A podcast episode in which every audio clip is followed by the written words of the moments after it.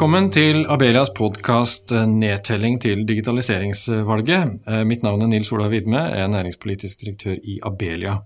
Eh, og I en podkastserie som vi har nå fram mot eh, årets valg, så skal vi snakke med sentrale norske politikere om et tema som også er veldig opptatt av i politikken, nemlig teknologi og digitalisering.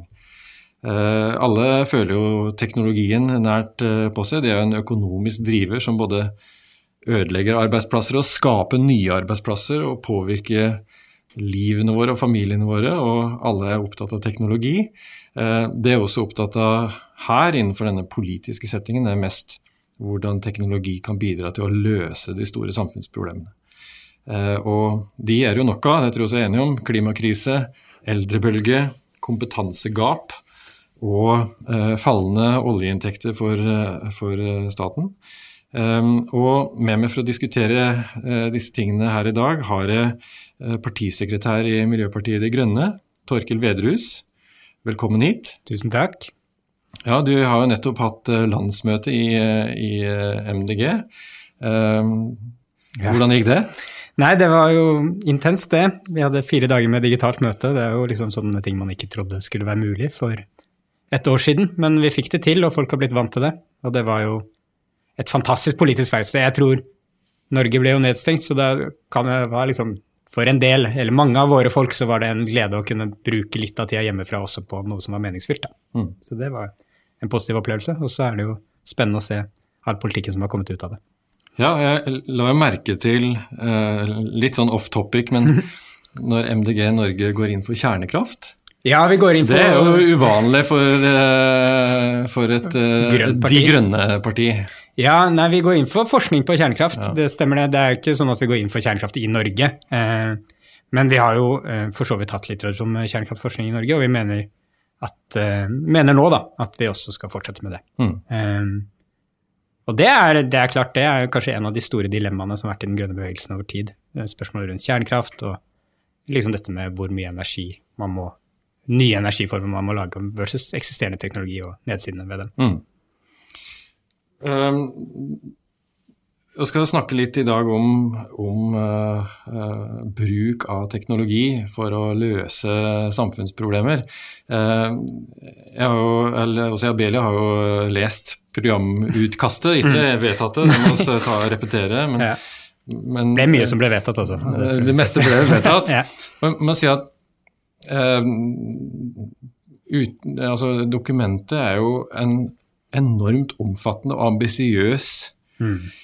katalog, nærmest, mm. over miljøpolitiske tiltak. Både klimatiltak, men også lokale, klassisk naturvernelementer. Mm. Um, det i seg sjøl må jeg bare kanskje gi et lite kompliment for. det dere er jo et lite parti, må kunne si det, ja. selv om dere håper å bli større. Uh, så det er et ganske imponerende arbeid som ligger bak. Mm. Uh, og så har jo oss fra vår side sagt uh, litt sånn liten brodd, kanskje, at det er litt sånn schizofrent. På den ene sida så sier du ikke noe veldig, veldig positivt om nye næringer, nye bedrifter, mm. grønne verdikjeder. Ting som også Abelia jubler for. Mm. På den andre sida så går det veldig langt i å regulere. Stenge alt det som uh, skaper arbeidsplasser i dag, som har en negativ miljøkonsekvens. Mm. Er ikke dette et kjempedilemma? Ja, nei, det er jo Du kan kalle det dilemma, eller så kan du kalle det en løsning på et problem vi står i. At vi, vi må komme oss raskt videre. Eh, vi er jo utålmodige, og det er jo som du sier at det, eh, det som slår en når man leser programmet, og det er kanskje også fordi klima og natur er de første kapitlene, at du får den omfattende lista over reguleringer man ønsker på de områdene. Og så er det eh, er det slik at vi mener jo at vi må Det krever politikk til da, for å få til de investeringene og de, den utviklingen vi ønsker i samfunnet i miljøvennlig retning, på samme måte som vi har fått til tidligere på, med vannkraft for 100 år siden og olje for 50 år siden, så må vi nå liksom kjøre litt på, da. Mm. Men det, det, er jo det som er vår rolle blitt, er jo selvfølgelig at vi er de som også, som du sier, vi vi er nok såpass utålmodige at vi, vi, prøver å finne ut hva alle verktøyene i verktøykassa er. Mm. Eh, rett og slett. Vi er ikke liksom Det kan ikke være så mange miljøtiltak som er glemt? Nei, det er, det er, det er jo det. Og det er jo det er rett og slett pga. problemforståelsen vår da, mm. at det kommer fram. Mm. At folk ser det på alle nivåer. eh, at man ønsker å gjøre og snu enhver stein. Og så tror jeg jo det er viktig å huske de liksom overordna strategiske utfordringene fra vårt perspektiv for Norge, er, er, at vi fortsatt investerer mer i olje enn i all annen industri og næring i, i, landet vårt. Og det eh, er både åpenbart for oss eh, et negativt eh, eh en stor, en stor utfordring og et stort problem for klimaet, men også en stor utfordring for norsk økonomi på sikt. Mm. Ja, Det temaet er jo si, kjent og kjært i den moderne næringspolitiske og miljøpolitiske debatten. Mm. Altså hvor, hvor, avhengig Norge er, eh, på godt og vondt. Eh, og så avhengig både av jobbene eh, mm. og inntektene. Og teknologien. og, teknologien. Mm.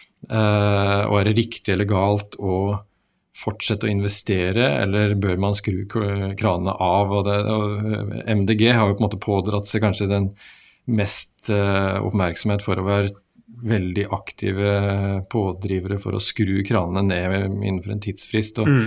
Jeg, hadde, ikke så veldig interessert i uh, eller jeg er interessert i det temaet, men det mest spennende dilemmaet etter mitt syn da, med MDG sin radikale tilnærming, det er Altså, hva går tapt mm. i en sånt radikalt skifte? Altså, hvis vi nå ser på hvordan kompetanse gradvis flyttes da, fra offshorenæring inn i andre bransjer. Mm. Eh, hva enten det er helseteknologi eller romfart eller ting som man ikke kunne tenke på fra et uh, enkelt uh, mm.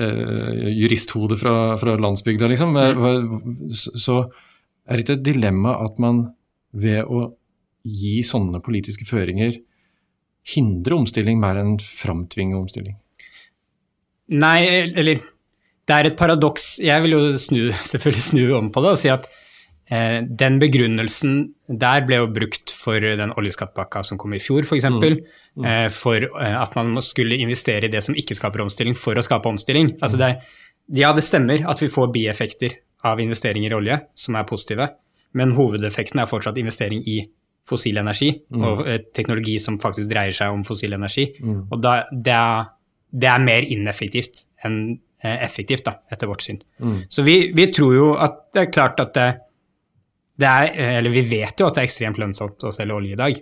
Ja, det, så det er bare liksom for å anerkjenne det. Og at, det, altså selvfølgelig når man da får mer penger fra det, så vil det også eh, Så drypper det på bakeren. Men, men vi er i en eh, situasjon nå hvor vi må Hvor omstillingen kommer, for det første. Men, og hvor vi taper hvis vi fortsetter å satse på denne hesten i 20 år til. Mm. Og vi, liksom, vi tror at måten å satse, finne fram de nye hestene på, Eh, for å si det på den måten, og nye bein å stå på, er også å være helt ærlig på det. At vi kan ikke holde på med dette så mye lenger. Og skape en forutsigbarhet i hvordan vi kommer over i det, i stedet for at vi lar eh, markedene skape kriser, som vi har liksom opplevd. Vi opplevde jo en oljepriskrise da i fjor, og eh, finanskrisa eh, for noen år tilbake, som også skapte ganske dramatiske endringer på kort tid i mm. arbeidsinnsatsen. og jeg, jeg jeg syns jo det er litt underkommunisert uh, hvor uh, stor omstilling altså olje og, olje og gassbransjen har vært igjennom og kommer til å være igjennom, relativt til hva vi foreslår. da. De kommer uansett til å være ganske uh, bli mindre og mindre arbeidsintensivt mm. å ut, utvinne olje og gass. og det kommer til å skje igjen da, svingninger i oljeprisen som gjør at man må eh, plutselig omstille seg, mm. om det er på verft eller servicenæring. Og, og, det så man jo altså i, mm. i, i oljeprisfallet som mm. man hadde i 2014. Mm. Eh, at det sjokket skapte endringer i arbeidsmarkedet og, og, og, bruken av kompetanse i offshorenæringen. Jeg tror vel eh, selv i, lang, i perspektivmelding så sier Finansdepartementet klart og tydelig at norsk økonomi har blitt langt mindre eh, oljeavhengig etter 2014 enn eh, en før, pga. Mm. Av denne det var mange titalls tusen arbeidsplasser som nå er et annet sted. Som nå flytta seg, ikke sant. Og, og, og, da er på en måte spørsmålet Tror du ikke at kapitalmarkedene og bedriftene selv um, ser skrifta på veggen? Altså, jo, det... Trenger de dette politiske dyttet? Um, altså det, jo, mye vil skje av seg selv. Mm. Men eh, det vi så i fjor i det politiske Norge, var at eh, et bredt flertall på Stortinget vedtok å dytte i motsatt retning. Mm. At man eh, aktivt gikk inn for å gjøre det enklere å eh, investere i olje enn i noe annet, nærmest, i norsk økonomi. fordi da kunne man redde Da var næringen, altså de store industribedriftene, var klare for å redde arbeidsplasser hvis man fikk den pakken. Mm. Eh, men man kunne, mener vi da, satsa på andre Altså man kunne satsa på havvind, som er en ekstremt Det er jo voldsomt ambisiøst det vi har eh, foreslått på havvind nå, f.eks. Man kunne satt i gang andre prosjekter og andre ben å stå på, men det krever det krever litt mer da, enn det vi har vært vant til de siste tiårene med olja, hvor mm. vi har gryteklare prosjekter, vi har et system for letetillatelse, vi har et system for liksom hvordan vi bare kan fortsette å høste eh, denne, disse fossile energiene som vi kan selge ganske dyrt mm. i utlandet. Eh, og det er litt for krevende for politikerne i dag. Så det, jeg tror jo næringen er mye mer klar enn Og folka for så vidt er mye mer klare enn eh, enn politikerne er til å mm. gjøre det skiftet. Så det er, litt, det er ganske mye arbeid, da. Og det er, det er, kanskje det vi ser, at vi blir jo hele tiden stilt disse spørsmålene, så vi prøver hele tiden å utvikle. Men vi trenger jo liksom Det, det krever et, en samla innsats fra myndighetene mm. å faktisk få til den omstillingen som ikke er vilje til i dag. Jeg tror, altså, eh, Uansett hva man mener om de tingene som du, mm. du er opptatt av som vi snakker om nå, så, så, tror jeg at de fleste vil være enige om at det politiske system i sin natur vil henge litt etter. Eh, og være litt mer stiavhengig mm. enn uh, en, risikoaverse investorer. Mm. Um, til og med en risikovillig investor, kanskje. Kanskje, kanskje spesielt de. Så, så, så, sånn sett så, så er dette kanskje et symptomatisk eh, altså et trekk du beskriver symptomatisk for politikken. Ehm, det som også ser fra Abela sitt ståsted, det er jo nettopp hvordan eh, altså Ikke uten at politikken spiller en rolle, men hvordan, hvordan næringslivet nå står i transformasjonen. Mm. Ikke sant? Eh, du hører fra, fra kapitalmarkedene mm. Hvordan bærekraft går fra å være et litt sånn brysomt marketinggreie til å bli CFO-ansvar, mm. eh, det betyr noen ting. Det betyr nøyaktig hva det betyr, og hvor, fort effektene vil komme. Det kan man alltids lure på, det vil vi se om noen år, men, men det betyr noen ting. Og, og, nå skjer det på tvers av egentlig hele en privat sektor. Mm. Um, og innovasjonskraften som ble utløst av denne krisa. Uh, igjen, vi kan bare spekulere i dag, men vi ser jo uh, tallene fra Innovasjon Norge på hvor mange nye, interessante, grønne digitaliseringsprosjekter som dukker opp.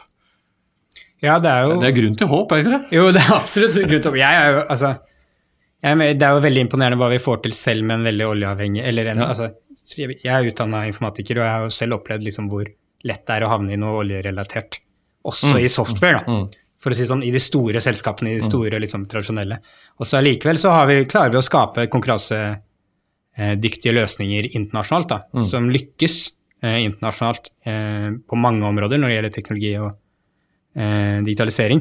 Og, det, så, og jeg tror jo det handler mye om at vi har et, vi har, eh, veldig, vi har et samfunn som er høyt utdanna i stor grad. Altså, vi mye, og vi har mye tillit, og vi får utvikla mye løsninger. Og jeg tror grobunnen er der. Mm.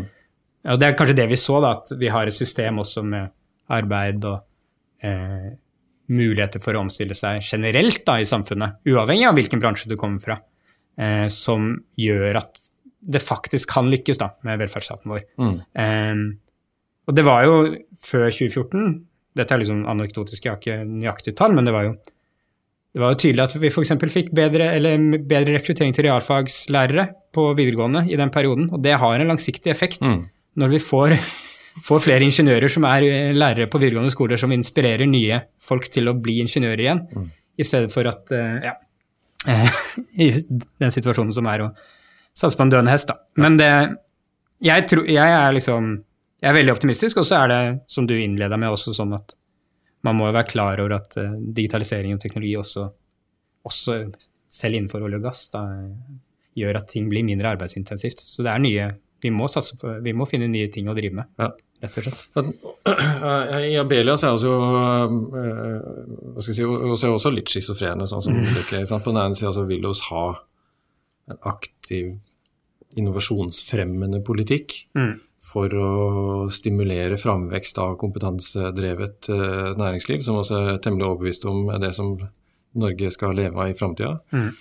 Eh, på den andre sida så er jeg også, en del av Næringslivets hus, og jeg er på en måte bekymra for radikale grep som flytte eh, hva skal jeg si, arbeidsplasser. Mm. Legge ned arbeidsplasser for raskt. Eh, både av hensyn til de menneskene som er involvert, enten de er eiere eller ansatte, men også av hensyn til eh, at det faktisk ligger en innovasjonskraft i også de etablerte næringene. Men det har du i og for seg kommentert, da, at du, du er enig i det, men ser samtidig at det er behov for en raskere, et raskere skifte. Ja, og det skjer jo mye. Altså det, eh, denne omstruktureringen av eh, Kverner, Aker er jo, Det er jo mye interessant som skjer, eh, og så må man jo liksom følge med og ha et kritisk blikk på de store.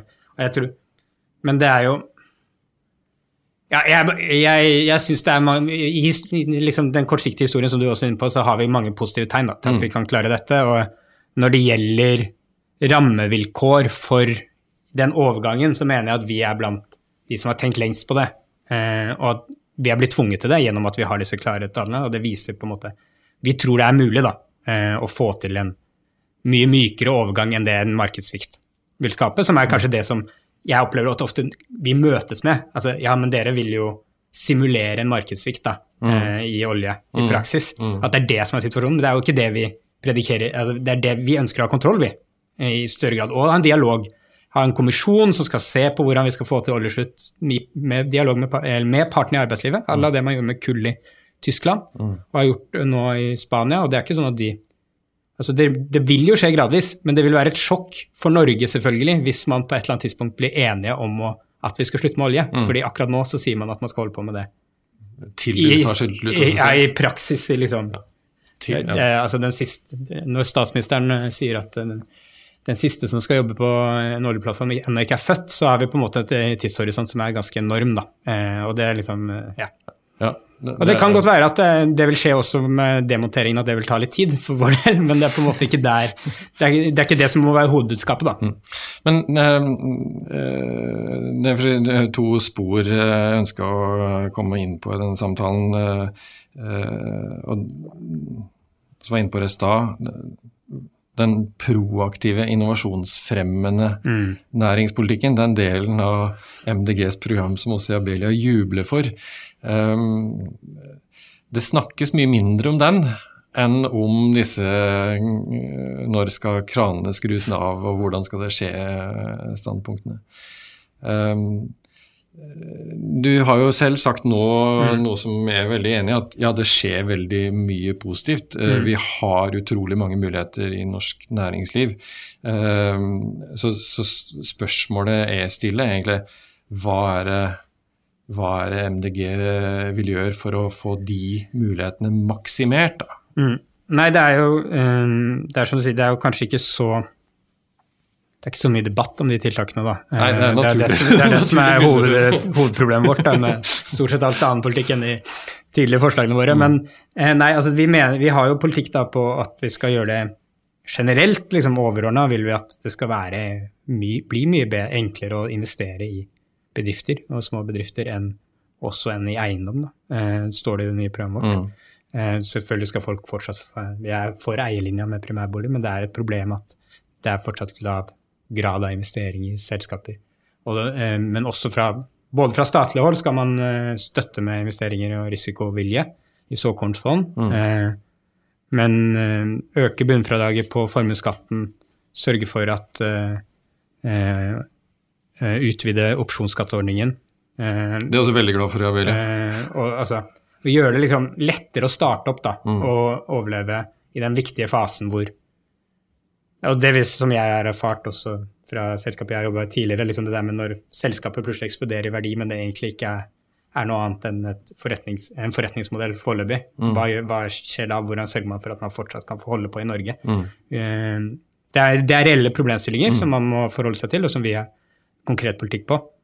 Eh, og så eh, mener jo vi da at det er Altså, vi skal ikke liksom sy puter under armene på folk, og vi er, er jo ganske, som du, vi har vært inne på, ganske tydelig på miljøkrav den type ting. Og mener at det er de Vi skal nok belønne ekstra de som er ekstra miljøvennlige, Mm. eh, men ellers så er det møteplasser og, og sørge for kompetanse. Mm. Satse på det, som er liksom Det er jo, også Abelia er jo veldig opptatt av kompetanse. Jeg tror en, en sånn under, skal jeg si undervurdert, men kanskje underkommunisert del av næringspolitikken er hvor viktig tilgang på kompetanse. Altså, du nevnte selv et eksempel. Du har jo du har en fortid i Spacemaker. Eh, og typisk eh, en bedrift der man kan ha en idé som alle som forstår ideen, skjønner oi, dette er en kjempe, eh, har kjempepotensial. Man kan tenke seg at ideen har globalt perspektiv. Eh, men for å få det realisert, for å gå fra idé til virkelighet, så er bedriften avhengig av kunnskap, altså ansatte, og kapital, selvfølgelig. Ofte er det sånn at hvis en har, nok, har en god idé og nok uh, gode folk, så vil kapitalen også komme, Ja, men uh, ikke alltid nødvendigvis. Men, men i næringspolitikken så snakker vi veldig mye om reguleringer og ordninger og sånn. Vi snakker kanskje ikke nok om tilgang på kompetanse som den avgjørende faktoren. Ja, nei, jeg tror, jeg tror det er Jeg tror det er veldig eh, viktig å huske hvor hard konkurranse Jeg er utdannet informatiker og har jobba med utvikling av ja, eh, programmering, da. Eh, og der ser du da at det er liksom arbeidstakers marked i så stor grad. At det er knallhard konkurranse om kompetansen. Og da er det de som har da er det ofte etablerte selskaper med mulighet til å gi gode vilkår, som kan vinne fram. da, Eller konsulentselskaper. Mm. Eh, og kanskje ofte sånn at man må selge ideen til den ansatte. Og i Spacemakers tilfelle så vil det eierskap, da. Eh, og i andre startups også ofte det, da. Men det er eh, Vi trenger jo flere eh, folk som eh, har kompetanse til å Og vilje, da, egentlig, til å ta den risikoen. Og det ehm, Det trenger ikke å være så avansert at alle må ha en mastergrad i informatikk for å kunne bidra med en startup, men at vi må ha en litt eh, ha muligheter til å utdanne seg da, Mm. på ulike fronter. Mm. eh, altså, disse selskapene altså, De digitaliserte forretningsmodellene Mm. som starter opp nå, de er jo interessante både fordi de nettopp støter mot den utfordringen som vi nå snakker om, altså tilgang på kompetanse som premiss for i det hele tatt kunne realisere seg. Men når de lykkes, så er det jo ofte også miljø eh, altså de, de kommersielle miljøløsninger som er interessante i det perspektivet også. Det, Og så er det en annen Abelia-bedrift som, som, eh, som blir nevnt veldig ofte i, i, på, i våre sammenhenger som et eksempel på dette, nemlig Gelato, som er digitalt eh, en digital forretningsmodell der eh, bedrifter får løst sine behov for å trykke ting. Trykke trykksaker, brosjyrer og sånn. Mange, veldig mange, overraskende mange, driver fortsatt med papir. Ja. Og der de har en forretningsmodell som gjør at kunden kan få sitt behov for å få trygt materiale løst på en mye billigere og mer miljøvennlig måte. Mm. Jeg tror de snakker om at enkeltkunder kan redusere klimafotavtrykket sitt til akkurat denne delen av virksomheten med 60-70 um, For oss i Abelia så er nettopp dette en vel så interessant diskusjon. Da. Hvordan, få, hvordan få maksimert mulighetene for denne type forretningsmodeller, denne type bedrifter, som en del av løsningen på klimakrisen. Vi kunne selvfølgelig hatt den samme type diskusjon knytta til eldrebølge også. Der Ja. også har en helseteknologi knytta til generell helse, der vi også har livsvitenskapsmiljøer i Norge. Eh, Ja, og et sånn Veldig godt utgangspunkt er jo altså, ja, for Det er litt sånn viktig, syns jeg. Altså, MDGs politikk er ikke nødvendigvis at vi bare skal utvikle næringer som er eh, løsninger på klimakrisen. Det finnes veldig mange eh, bærekraftige jobber som ikke er i olje og gass. som liksom, altså, og vi må som land anerkjenne at det liksom, vi skal ikke altså, Det finnes nok eh, andre næringer vi også skal drive med, for å si det sånn. Og det er sånn som disse velferdsteknologiselskapene og eh, det, er, eller, det er jo veldig mange muligheter i effektivisering både med tanke på avtrykk og økonomi, eh, som vi ser eh, kommer fram nå. Og at vi er ganske gode på det, både pga. teknologisk kompetanse, pga. tillit, tror jeg. Eh, altså, vi har eh, Men også løsninger som baserer seg på at vi har en velferdsstat med og, og ganske mye data, f.eks. Altså det, eh, at vi har muligheten til å faktisk teste ut løsninger Både fordi eh, befolkningen vår er digitale, men også fordi det er lett å få innpass i markedene som handler Eller i, eh, i de markedene hvor det dreier seg om å få tak i digitale data. Så ta Spacemaker, så eh, tror jeg det har vært en fordel at vi har relativt mye digitalisert. Eh, altså, det er fortsatt dårlig, mm. men digitalisert kartdata i Norge mm. sammenlignet med i mm. andre land. Mm. Eh, I helsevesenet så er det har vi liksom helsedata som hjelper oss veldig i pandemien nå, men mm. som også kan være et godt grunnlag for å utvikle teknologi i fremtiden. Mm. Sammenlignet med andre land. Jeg tror det er store konkurransefortrinn vi har, da. Eh, spesielt liksom i Kanskje i eh, i liksom overgangen mellom det offentlige og private i utvikling av nye løsninger i velferdsstaten, tror jeg det er veldig mye å hente. Mm. Dette er sånne ting som også er veldig opptatt av mm. Ebelia. Altså, på den ene sida se disse krisene ikke bare som problemer, men også kommersielle muligheter for eh, et nytt framvoksende næringsliv. Mm. Erkjenne at ja, for å få det til, så trengs ny kompetanse. Det vi snakka om i stad. Mm. Men veldig ofte også data. Mm. Tilgang på data, og mm. veldig ofte offentlig data, eller data som deles og struktureres mellom bedrifter i privat sektor, som på en måte fundament for, en ny mm. nærings, uh, uh, for et nytt næringsliv. Uh, og, og, andre teknologiske teknologiske nyvinninger, som alt det som puttes inn under hatten livsvitenskap, ja. som jo omfatter utrolig mange ting som de fleste av oss ikke forstår, men som, men som kan gi enorme Eh, gevinstmuligheter for Norge på en grønn måte, og på en måte som gjør at, eh, at eh, folk har arbeidsplasser å gå til, også i distriktene. Ja, i definitivt. Så, så, Nei, det er jo altså, og, Ja, livsvitenskap er det er helt enormt hva som er potensialet der. Det, liksom, det, det, det lærer vi jo nå også, mm. Eh, med nye vaksiner som utvikler mm, seg. Mm, mm. Det er jo nesten sånn at man skulle, ja, vi skulle ønske at vi kunne satse enda mer på livsvitenskap i Norge. For, eh, ja, vi må satse enda mer på det. Ja, for å, man, ser liksom, man ser jo at eh, kombinasjonen av ny teknologi eh, og, den, og medisin og biologi er liksom det, det, en det er, det er, selvfølgelig noe av det vi verdsetter mest i verden, da, er livene våre mm. og helsa vår. Mm. Og det er mye av det det handler om her. Er liksom, der er det mye å hente, mm. også i framtida, på hvordan vi løser de utfordringene som kommer da, med at folk blir eldre, eh, at nye sykdommer kommer, og, og, vi vil ha bedre medisiner mm. eh, på, for dem, og løse de store helseutfordringene vi har, både i verden og i Norge i dag. Mm. Så jeg tror jo Men tilbake til det med infrastruktur, som du nevnte. det, Jeg tror jo på en måte at vi har et godt grunnlag i dag, og så tror jeg det, vi kan gjøre enda mer fra det offentlige side, eller fra politikernes side, for å sørge for at vi fortsetter å ha det konkurransefortrinnet som jeg oppfatter at vi kanskje har. da, eh, Både i digitalisering av offentlige tjenester, mm. men i tilgjengeliggjøring, og sørge for at det er et felles et ganske felles, liksom, eh, felles spilleregler og, muligheter da, for å utnytte de eh, dataene som finnes der. Mm. Eh, det er en risiko alltid for lock-in-effekter med ulike løsninger som staten kan velge, om det være seg om de utvikler det selv, eller om man velger én leverandør mm. i ulike sammenhenger. Da, så Det er liksom det man hele tiden må være på vakt på.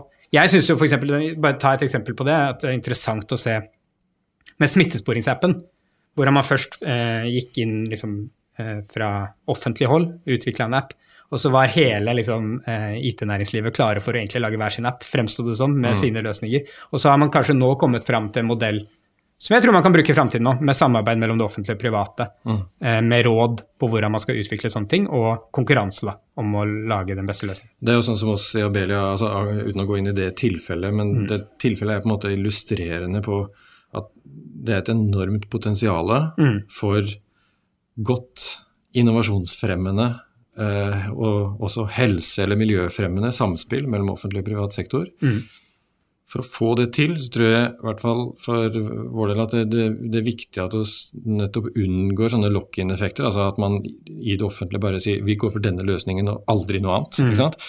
Eh, da stopper man innovasjon. eller mm. Man tar ett innovativt stek, og så stopper man med det. Mm. Mens, mens, det å prøve å feile, og tørre å feile litt, mm. Og at samfunnet også lærer å akseptere at ja, jo, i Smittestopp-appen man, man, gjorde det eh, veldig veldig raskt. veldig. Eh, det, var en, det var en risiko man tok. Det gikk som det gikk. Man kan lære av det, mm. istedenfor å bli sure og sinte og, og kritisere hverandre. Vi må lære at innovasjon i samspill mellom offentlig og privat sektor også innebærer å trå feil. Hvis vi greier å få det til, da kanskje vi kan få, få ja. utvikla det fortrinnet som du snakker om. Og det er liksom mindset. Det er jo litt det der at man, man kunne jo laga tre apper parallelt. Og så kunne man sett hva som funka. Eh, liksom, altså, man kunne jo brukt, man kunne jo satsa litt penger. Er, men der er vi ikke helt ennå i det offentlige. At vi tør liksom å akseptere at to skal feile for mm. at vi skal ha en mm. som lykkes. Mm. Eh, der er det nok det private et eh, steg foran i mange sammenhenger. Mm. Du, og så begynner å nærme oss uh, halvtimen som er satt av til denne samtalen. Det er veldig hyggelig å, å snakke med deg. Det er, uh, det er jo veldig uh, nyttig å, å, konstatere fra vårt næringslivsperspektiv at, at det inntrykk vi har om at MDG også er innovasjonsvennlig, vil skape nye private arbeidsplasser, som, som vi har konstatert fra programmet. det er ja, definitivt. Det er definitivt der. Så jeg er bare litt, fortsatt litt bekymra for denne nedstengningen, men det får vi ja. ta. Dere trenger noen forhandlingskort inn i en ny regjering, regjering dere òg? Ja, definitivt. Og eh, vi trenger Jeg tror de beste ideene skapes i, liksom, i møte med motargumentene. Mm. Så jeg mener jo at vi har kommet et godt stykke på vei også fordi vi blir møtt av utfordringer fra bl.a. Ja. næringslivet. Og skal fortsette å utfordre dere, det kan jeg love. Ja. Det er bra. men Tusen takk for en god uh, samtale. Jeg gleder meg til å følge med på valgkampen og hvordan det går med MDG. Det er jo mm. ganske viktig for, uh, for uh, hva som blir flertallet i norsk politikk. Om det kommer over eller under de fire prosentene. Ja, definitivt. Ja, Vi skal godt over det. Så det gleder vi oss til å få til. Veldig bra. Tusen takk for praten. Takk for praten.